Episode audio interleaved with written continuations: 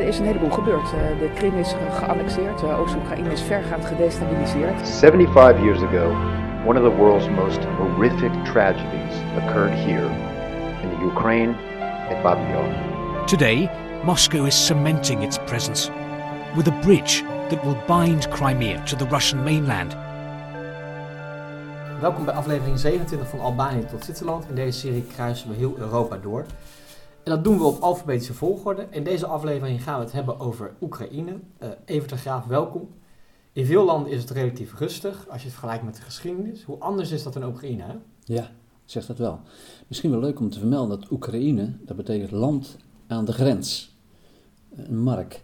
En het is eigenlijk de oostgrens voor het westen en de westgrens voor het oosten. Ook in andere talen, de grens op de Balkan, kom je Oekraïne kom je tegen en dan is het echt een grensgebied. Een betwist gebied vaak. Uh, het is ja, de Euro-Aziatische steppen geweest van de Karpaten tot Mongolië. En in de zesde eeuw de Skieten die er geweest zijn, de Hunnen die hebben hun stempel gedrukt op dat gebied. De Oost-Romeinen, Oost-Romeinse keizerrijk, uh, die hebben daar tijdenlang ook de scepter gezwaaid. Het Rijk van Kiev, dat is dan inderdaad ook een van die rijken die gesticht is door de Noormannen, hebben daar nog een hele poos ook, koning Rurik, een, een rol gespeeld. En die mensen, die Noormannen, die werden toen Roes genoemd. Er schijnt iets van rode baarden ook in te zitten nog. Uh, dus daar komt het woordje Rusland uiteindelijk ook uh, Roesland vandaan. Uh, het is deel geweest van het groot hertogdom Litouwen. Het was een hele grote sterke staat, jarenlang van Polen en Litouwen samen, die verenigd waren. En dan komen de Russen uiteindelijk opzetten. Met name ook in de tijd van de Romanovs. Dat is op het ogenblik helemaal in het nieuws, omdat 1917 was het einde van het huis Romanov van 1613 tot 1617. Dus ongeveer 1917, ja. 1917, sorry. Uh, Zo'n 300 jaar heeft dat uh, Rijk van Romanov uh, geheerst met de laatste tsaar Nicolaas II. Maar dat is een, ja, bepalend geweest ook het gebied toen de Russen er kwamen. Ja, dat is voor mij wel een redelijk betwiste theorie, maar Huntington die zegt, hè, in de grensgebieden, daar wordt gevochten, daar is eigenlijk altijd oorlog. Daar breekt om zoveel tijd oorlog uit, waar die twee werelddelen, conflicten ja, bij elkaar komen. Ja, en klopt. is daar wel een mooi voorbeeld van. Een voorbeeld van hè? Ja, dat is inderdaad ja, een afschrikwekkend voorbeeld. Ja. ja. Nou, wat allemaal te begrijpen moeten we natuurlijk in het verleden duiken. Oekraïne, je zei het al even, is lang onderdeel van het Poolse Rijk. Maar uh, je hebt de Poolse delingen en dan komt ook on, uh, Oekraïne onder andere heersers. Het is echt een land wat in, eigenlijk in allerlei handen ligt op een gegeven moment. Oostenrijk een deel daarvan, de Turken hebben nog een deel van Oekraïne en de Russen ook, hè? Ja, het wordt inderdaad uh, echt betwist gebied.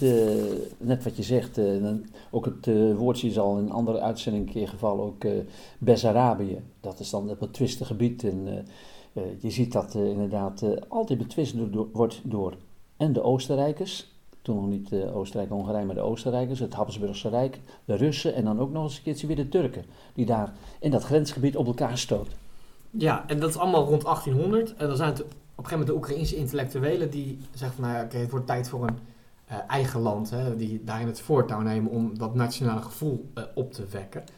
Ik kan ook daar had je weer een aantal verschillen tussen. Het waren inderdaad nationalisten die uh, graag wel zelfstandigheid wilden, leek het. Maar aan de andere kant had je duidelijk een verschil ook tussen die nationalisten die zich verzetten in eerste instantie tegen de Russische tsaar.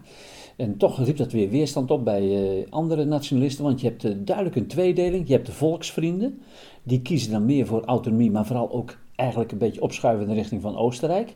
Aan de andere kant de Moskou-fielen, de naam zegt het al, die willen dan toch wel eigen nationaliteit, maar wel onder de paraplu van, uh, van Moskou. En uh, dan heb ik het nog niet eens gehad over één hele nationalistische groepering die daar uh, echt eeuwenlang zijn stempel gedrukt heeft op dat gebied. Dat zijn de Kozakken geweest. Kozakken onder leiding van een hetman, hè, dat was dan een grote baas, dat waren landbouwers. En uh, die vochten tegen de Polen, die vochten tegen de Oostenrijkers, die vochten tegen de Russen. Hadden een hele eigen ja, cultuur en godsdienst. Ze wilden goed, goed orthodox blijven, dus ze wilden niet katholiek worden, niet paaps, uh, niet uh, Turks en Mohammedaans, maar ze moesten orthodox blijven. Maar wel een eigen Oekraïnse nationaliteit wilden ze zeker stellen. Ook heel ja, apart, boeiend volk landbouwers die op een snelle paardjes ook een rol hebben gespeeld nog in het verdrijven van Napoleon. Dat weet je. Uh, hier in Putten hebben we zelfs nog een Kozakkenweg. Dat ze ook in die periode nog uh, hier uh, een tijdje lang gelogeerd hebben in de achtervolging van de Franse troep. Dus, dus de eenheid die was er helemaal niet. Nee, die was er niet. Nee, en toch Nee. zegt eh, Rusland op een gegeven moment, nou ja, die voelt de buiten wel hangen van het nationalisme. Dat, dat gaat zich tegen ons keren wellicht. Hoe traden ze daar tegenop? Die traden echt hard op, want eh, de Russen die wilden ook laten zien dat ze de baas waren. En die beginnen dan, ik heb dat woord al een keer en het komt elke keer weer terug in onze uitzendingen, Russificering, wat doen ze dan? Dan gaan inderdaad eh, met name ook eh, de Russische tsaren heel veel Russen naar dat gebied toesturen. En hoopt daar echt een hele grote minderheid te creëren. Die toch ook, en natuurlijk vaak de beste baantjes in handen kregen in het bestuur, daar de boel onder controle hielden. Veel Russen daar naartoe. Eh, andere etnische groeperingen die eh, eh, werden eigenlijk ook van her en der uit Rusland eh, overgeheveld naar de Oekraïne toe. Een soort verdelen heers. En ze traden heel repressief op. Nog een keer, als er wat was, dan werd dat ook vaak een opstand van nationalistische uitingen. Werd bloedig onderdrukt. Russisch moest de voertaal zijn. En eh, allerlei verboden volgden heel snel op allerlei eh, Oekraïnse culturele uitingen. Ja, en dat was werd dat, allemaal verboden. en was dat voor de Oekraïners die in Oost, onder Oostenrijks bevel leefden anders? Eh, was het anders, inderdaad. Er is een duidelijk verschil. Heel terecht dat je dat signaleert. Die Oostenrijkers hadden zelf ook ontzettend veel minderheden in het gebied. Allerlei etnische groeperingen. En die wilden niet eh, echt eh, met de knoet optreden, want dan zouden overal opstanden op eh, doen. Maar die gaven vaak die etnische groeperingen behoorlijk wat ja, autonomie. In tegenstelling tot de Russen, de Russen echt top-down, die bevalen dat ze echt Russisch moesten zijn, Russisch de voertaal. En dat is een heel wezenlijk verschil tussen de Russische aanpak en de Oostenrijkse aanpak. Ja. De Oostenrijkse aanpak was veel ja, ruimer en eh, ja, ruimdenkender dan, eh, en ruimtegevend ook voor andere ja, culturele uitingen dan de Russen dat wilden. Precies. Ehm, en toch, dan is het 1917, dan, dan ehm, je noemde het al even met de Romanovs, dan breekt de revolutie uit in Rusland. En dat is ook voor delen van Oekraïne die onder Russisch eh, bevel eh, vielen, het teken om de onafhankelijkheid uit te roepen. Ja, als ik het zo eigenlijk allemaal las, ik kreeg eigenlijk niet helemaal een duidelijk zicht op. Volgens mij was het één grote chaos. Klopt dat? Het was echt één grote chaos, absoluut. In heel Rusland was het grote chaos in die hele oorlog. In het begin begonnen ze nog vrij voorspoedig, maar uiteindelijk ging het helemaal mis. En toen de tsaar ook nog eens een keertje dus de leiding op zich nam eh, als eh, bevelhebber van de troepen en ze de ene nederlaag naar de andere leden, kon je erop wachten dat er echt een revolutie zou uitbreken. En dat gebeurde niet alleen in Moskou of in Sint-Petersburg, maar het gebeurde op eh, al die andere eh, plekken ook eh, waar ze dat eh, het Russische bewind eh, zwakker werd. En ook in de Oekraïne. En dan zie je dat eh, allerlei nationalisten dus inderdaad de kans krijgen om in opstand te komen. En dat gebeurde ook in dit gebied. En dan krijg je daar de Centrale Raad, die dan probeert echt de nationaliteit van de Oekraïne veilig te stellen. Maar wat doen ze? Eh, Lenin en consorten, Lenin leefde toen nog, die stuurde meteen het Rode Leger er naartoe. En er werd meteen weer keihard ingegrepen om dat echt de kop in te drukken. Dat konden ze niet hebben. Uiteindelijk konden die lui van de Centrale Raad, de hetman, daar zaten ook vrij veel kozakken bij, die konden, ook al hadden ze wat Duitse steun, er niet opnemen tegen het Rode Leger. En eh, dan zie je dat op het eind van de Eerste Wereldoorlog de Oekraïne uiteenviel. En dat het gewoon onderling weer verdeeld werd. Een deel ging eh, van Oekraïne naar Polen, een ander deel ging naar Tsjechoslowakije en een ander deel ging van Bessarabië ging naar Roemenië toe. En er zijn ook net nieuwe staten die weer nieuw na de Eerste Wereldoorlog op de kaart van Europa komen. De geallieerden hebben toen in Parijs hebben ze besloten, dan geeft die nieuwe staten nou inderdaad ook eh, leefgebied. De Polen kwamen weer- voor het eerst terug op de kaart van Europa in 1918, 1919. De Tsjechen, een hele nieuwe staat, Tsjechoslowakije werd gesticht, Roemenië was er al langer geweest, maar kreeg ook grondgebied, Bessarabië. En zo werd Oekraïne eigenlijk gewoon onderling weer verdeeld. Ja, en een deel daarvan valt dus weer onder de Sovjet-Unie. Dus eigenlijk, eh, als je kijkt van nou eh, 1917 tot dan, daar is niet zo heel veel veranderd. Ehm, en dan is er in 1932, 1933 een enorme hongersnood in Oekraïne. Eh, met verschrikkelijke gevolgen van de inwoners. Eh, ik, ik begreep dat er, hoeveel, hoeveel eh, mensen omgekomen zijn? Men zegt 7 miljoen, het zijn allemaal ramingen. Ken jij het woord holodomor? Nog nooit van gehoord. Nee, je hebt de holocaust, dat kent iedereen. Maar dit is echt een term voor hongersnood, holodomor. En dat is allemaal bewust eigenlijk eh, eh, afgeroepen door eh, Lenin, die al in 1924 overleden was. Maar die heeft gewoon gezegd, wij moeten zorgen dat we echt grip krijgen op al die veroverde gebieden. En we moeten keihard optreden, echt onder Russische controle brengen. Zijn opvolger heeft dat helemaal in de praktijk gebracht. Er is nog een tijd lang getwist wie de macht kon krijgen, Trotsky of Stalin. Stalin die won het in 1928. In 1928 zie je voor de eerste keer ook de invoering van de vijfjarenplannen, geleide economie van bovenaf geleid. En wat gaan die uh, communisten doen? Uh, je hebt dan van die uh, partijfiguren die dan erop uitgestuurd worden op het platteland en vaak vergezeld door troepen en die gaan daar werkelijk alles gaan ze invorderen. En met name jacht maken op, wat vooral in de Oekraïne gebeurde, op de rijke boeren. En die rijke boeren die hadden de naam van kulakken gekregen. Ik weet niet of dat het zegt. Kulak betekent letterlijk vuist. Dat waren boeren met eigen grondgebied. Die hadden vaak ook een aantal dagloners en arbeiders in dienst. En die buiten ze uit. Dus die kulakken, die moesten, hè, er moest mee afgerekend worden. Dat gebeurde ook volop. Maar ook meteen werd het saaizaad, wat ze nodig hadden voor het volgend jaar, werd gewoon in beslag genomen. Er was gebrek aan van alles. Echt, de Russische boerderijen die hadden allemaal van die rieten daken. Er was gewoon gebrek aan veevoer, dat de boeren noodgedwongen het riet van de daken af moesten halen en het stro om dat aan de beesten te voeren. Complete honger werd geleden, kou werd geleden. Ik heb, toen ik met mijn geschiedenisstudie uh, bezig was, heb ik een keer een boekje gehad. Ik, ik heb nog geprobeerd uh, terug te vinden, kon het niet vinden. Een aangrijpend boekje over de periode daar in de Oekraïne. In die periode van 31 tot 33. En dat had de titel En geen hond die blafte. Ik ben in 19... 75 ben ik in de Oekraïne geweest, toen het nog zwaar communistisch was. En als je door die dorpjes reed, met een bus waren we dan, maar dan stoven de honden van alle kanten op de bus af en blaffen en eh, doen. Maar in die periode was er geen hond meer die blafte, want die waren allemaal gevangen en opgevreten. Gewoon zo'n geweldige honger was er. Er schijnt zelfs cannibalisme voorgevallen te zijn in die periode. Het moet bizar geweest zijn. En het werd allemaal opgeofferd voor de grote rode ideaal van een verenigd Rusland onder leiding van de communist. Ja. De Rode Heilstaat. Dus de bevrijde mensen, maar wel met een lege maag. Ja. Ja, een verschrikkelijke periode. Als ja, het zo... 7 miljoen doden Ja. inderdaad. De- en dat is nog steeds maar een deel van Oekraïne, namelijk het deel dat bij Rusland hoort. Ja, dat klinkt misschien wat cynisch, maar met het uh, Molotov-Ribbentrop-pact hebben we het al heel vaak behandeld. Elke keer in Oost-Europa komen we er weer op. Ja. Ehm, ja, wordt dat probleem, om het zo even te noemen, eigenlijk helemaal opgelost. Hè? Want dan de- deed Hitler en Stalin uh, Ja, eh, het Hitler-Stalin-pact wordt ook wel eens genoemd. Ik weet niet of je wel eens een keer de naam gehoord hebt. Het Duivelspact wordt het ook wel eens een keer genoemd. Eh, met een aantal geheime protocollen. Het was in wezen niet aanvalsverdrag hè, voor tien jaar dat ze elkaar niet zouden aanvallen. Eh, Polen werd verdeeld onder Duitsland en de Sovjet-Unie. Eh, Finland, de Baltische Staten kwamen in de Sovjet-sfeer terecht. En dan ook Bessarabië, daar heb je het weer. Dat eh, was dan een twistappel, betwist inderdaad door de Sovjet-Unie, maar ook door Roemenië.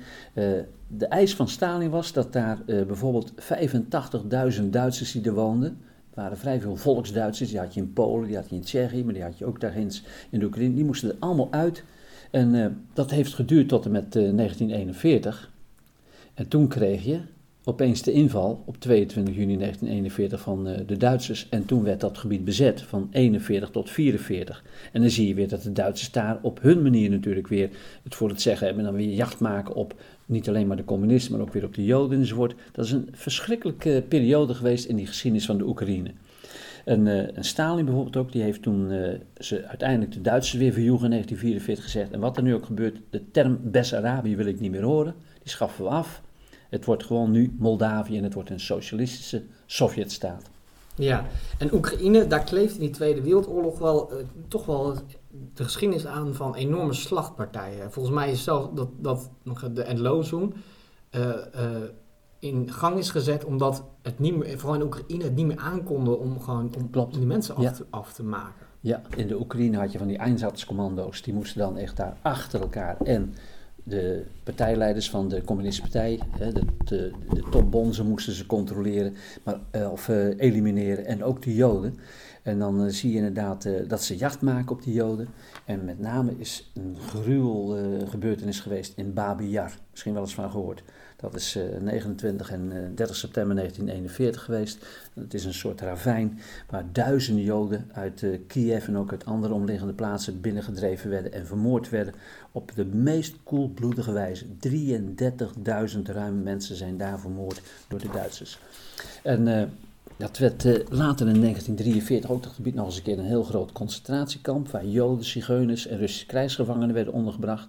Dat was in het kader van Actie Reinhardt. Ontiegelijk hard is opgetreden eh, door die mensen. En ik weet niet of je van lezen houdt, als je een, hele dikke pil, ik denk dat wel 800 bladzijden, van eh, zeker een Jonathan Littel. Eh, hij was eigenlijk van Amerikaanse oorsprong, Little, maar hij is in Frankrijk gewoon, heeft hij er Littel van gemaakt. Het heette wel Denkenden. Nou, dan leeft hij zich in in zo'n commandant die de commandant is van zo'n Einsatzkommando. Het is werkelijk bloedstollend om te lezen en toch ontzettend goed geschreven, maar daar kijk je echt van binnenuit in hoe dat allemaal functioneerde. Verschrikkelijk is dat geweest, wat Ja. daar gebeurd is in dat gebied. En eh, nog een keer ook, eh, de, de Duitsers zijn nu weg of de NKVD, ik weet niet of dat wat zegt, dat is eigenlijk de voorloper van de KVD, die gaat dan ook weer huishouden in dat gebied. Zijn mensen werkelijk aan de lopende band vermoord. Of door de Duitsers, of eerst door de Russen, vervolgens door de Duitsers en later weer door de Russen. Het is verschrikkelijk geweest wat daar zich in de Oekraïne heeft afgespeeld. Echt een- het sl- bijna het slachthuis van, eh, Ja. van Europa. Ja, Stalin wint die Tweede Wereldoorlog. Eh, sommige landen vielen direct onder de Sovjet-Unie, sommige werden marionettenstaten. Welke rol speelde Oekraïne?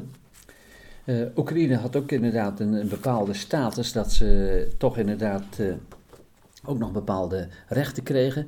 Eh, ze mochten bijvoorbeeld ook, dat, keek ik zelf ook van op, eh, de Verenigde Naties werd opgericht meteen in 1945. Hè, om eh, de vrede in de wereld te bewaren. En dat gebeurde door 51 landen. Maar daar zat inderdaad ook de Oekraïne bij. Je had de USSR, maar ook de Oekraïne. Die hoorden daar ook bij. Had toch een soort ja, zelfstandigheidsstatus. Terwijl ze natuurlijk niks in de melk te brokkelen hadden. Gewoon aan de, naar de pijpen van, eh, hoe heet dat ook, van eh, Moskou. Moskou moesten dansen. En dan zie je dat op een gegeven moment ook, eh, nadat eh, Stalin gestorven is op 5 maart 1953, zie je dat uiteindelijk in 1955 Khrushchev de macht grijpt. En Khrushchev die komt zelf uit de Oekraïne. Hij wordt wel eens een keer de graanjongen genoemd. En eh, die maakt echt van de Oekraïne een complete socialistische republiek. En die zorgt er ook nog voor, tot veel weerklank heeft dat ook geleid in, in de Sovjet-Unie, dat hij de Krim bezet heeft nu zo'n twistgebied, maar dat is in 1954 eigenlijk pas helemaal ingelijfd bij de Oekraïne door Khrushchev, die de troepen naartoe stuurde. Ja, de, ja, de Krim, daar komen we straks Ja. nog, zeker nog op terug. Ja, en misschien ook wel interessant om te vermelden dat Stalin in de Tweede Wereldoorlog ook weer die, die, die bevolkingspolitiek die hij toepaste, hij heeft daar de Krim-Tataren heeft hij weggehaald. Dat is zo'n, echt zo'n lokale bevolkingsgroep. Die heeft hij helemaal verplaatst, duizenden mannen, vrouwen, kinderen, naar de eh, Siberische werkkampen. Het is verschrikkelijk geweest wat daarmee is gebeurd met die Krim-Tataren. Ja. Een, eh, een, een Ja. groep in de oorlog die veel te lijden heeft gehad eh, onder die gebeurtenissen. Eh, Daar heeft, maar ging de, de winna- winnares van het Eurovisie Songfestival vorig jaar en ook uit Oekraïne, die zong over de Krim-Tataren, toch?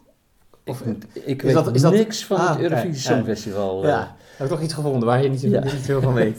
Ehm, laten we even een sprongetje maken. In 1991 verklaart Oekraïne zichzelf onafhankelijk. Dat gebeurt met een referendum. En dan komen we eigenlijk alweer gelijk uit met, die, met de Krim. Want ik las dat zelfs daar een meerderheid was. Hè. Sommige gebieden was het echt 90%, maar in de Krim net boven de 50%. Ik heb begrepen dat in heel Oekraïne ongeveer 7 eh, miljoen Russen woonden. Ook weer door die Russificatie, Russificering. In de loop der tijd gingen daar natuurlijk steeds meer Russen naartoe in de hoop daar eh, eh, de macht in handen te krijgen. En ja, die wilden natuurlijk toch wel graag, vooral die Russen, eh, behoren tot het eigenlijk oude Russische grondgebied. Maar dan zie je dat eh, na het uiteenvallen van de, de Sovjet-Unie, eh, dan heb je natuurlijk eh, Gorbachev die te val wordt gebracht door Yeltsin. En dan krijg je nog even een periode van het GOS, misschien ken je dat nog. Het gemene best van onafhankelijke staten is er nog een tijdje geweest. en dat markeerde het einde van de Sovjet-Unie in 1991. En dan was er wel, toen bij het eenvallen van die geweldige grote communistische heilstaat, de Sovjet-Unie, was er wel een extra clausule opgenomen. Oké, jullie zelfstandig, maar, komt het alweer, een clausule werd eh, opgenomen, contract, dat Rusland het recht had tot 2017 de haven Sebastopol op de Krim te mogen gebruiken voor een Zwarte Zeevloot. En dat zou, zou natuurlijk niet heel toevallig zijn dat ze een paar jaar daarvoor bedenken... nu moeten we inderdaad iets annexeren. Jij komt hem in, precies. Ja. Ja. Ehm, dan is wel eigenlijk in, in Oekraïne met Yushchenko onder meer constante strijd tussen... eh, gaan we meer richting het westen of gaan we meer richting Rusland? Eigenlijk, Absoluut. als je de, de afgelopen 20, 30 jaar bekijkt... dan is het eigenlijk die strijd die, die, eh, die gaat maar door, hè? Continu. In het begin, je noemt het al, had je strijd tussen twee eh, Victors, Victor Yushchenko en Victor Yanukovych. En de Victorie ging toen naar, eh, in eerste instantie naar eh, Yanukovych. Maar Yushchenko was een bankman en eh Yanukovych was echt een, een, ja, eigenlijk een marionet van, van, van Kremlin, moet ik eerlijk zeggen. Eh, hij won het en eh, hij heeft toen eh, allerlei presidentsverkiezingen waren toen. Heeft hij op allerlei mogelijke wijze heeft hij dat naar zijn hand gezet. Is gerommeld, er is gerotzooid met stembiljetten, noem allemaal maar op. Yushchenko, de leider van ons Oekraïne, Oekraïne, die kreeg inderdaad de steun ook nog eens een keer een vrouw die ook nogal uh, geruchtmakend was. Een blonde verschijning met zo'n blonde haarstreng. Dat was mevrouw uh, Julia Timoshenko. Maar dat waren echt uh, Yushchenko en Timoshenko pro-Westers. Maar terwijl Yanukovych eigenlijk zeer op de hand was van Rusland. En misschien kun je Yushchenko nog voor de geest halen. Die had ook zo'n pokdalig gezicht. Er is ooit eens een keer uh, waarschijnlijk dioxinegif in zijn maaltijd gestopt of drinken, weet ik veel. Waardoor hij uh, bijna ja, gestorven is. Maar de, naweeën zag je daar en dat pokdalige uiterlijk dat hij had. Uh, elke keer zie je dat, nou ja, uiteindelijk op de achtergrond, ook als Poetin natuurlijk aan de macht komt, dat hij aan de draadjes trekt. En die heeft het dan altijd, Poetin, een term die je moet proberen onthouden, Ruska Mir. Oekraïne is Russisch grondgebied. De Mir, dat is eigenlijk dorpsgemeenschap. Het schijnt ook vrijheid te betekenen, maar het is van ons. En vandaar ook dat hij inderdaad heeft ingegrepen en uiteindelijk ook gezegd heeft: nu is de Krim echt voor ons. Die haven moest veiliggesteld worden. En uh, dan laat hij zien dat hij eigenlijk niet met zich laat spotten en dat het Westen kan doen wat ze wil, maar hij bepaalt de gang van zaken, de grens. Ja, en dat verklaart dan ook direct waarom die, uh, uh, die, die pro-Europa-protesten met Guy Verhofstadt, een andere Europarlementariërs uh, in Kiev op het Van podium. Balen, de Hollander, ja. de VVD was er ook bij betrokken. Klopt. Dat verklaart dan meteen waarom dat zo gevoelig was. Waarom dat bij Rusland zo in het verkeerde keelgat is geschoten. Absoluut. dat is echt hun invloedssfeer en moeten de westerse landen van afblijven. En bovendien, Rusland had natuurlijk een geweldig wapen hè, in de strijd tegen de Oekraïne. Uh, Oekraïne is puur afhankelijk van de Russische gasleveranties. En ook, uh, wat deed uh, Poetin ook regelmatig? Dan ging hij weer troepen sturen naar de grens, zogenaamd oefeningen. Maar dat was gewoon het mes op de keel zetten van de Oekraïne van doe geen gekke dingen, want dan vallen we even het land binnen. Ja, en dat gebeurt uiteindelijk in 2014. Rusland annexeert de Krim. Um, ja, misschien is dat nog wel iets wat he, nog wel redelijk dichtbij staat, maar toch, hoe ging dat ook alweer? Uh, nou, dan krijg je inderdaad de Krimcrisis en dat begon op 26 februari 2014. Die Janukovic wordt afgezet en die vlucht dan uh, naar Rusland. En dan grijpen dus de westerse gezinde uh, krachten, die grijpen dan de macht in de Oekraïne. En dat schoot natuurlijk Poetin helemaal in het verkeerde keelgat. Dreigde helemaal mis te gaan.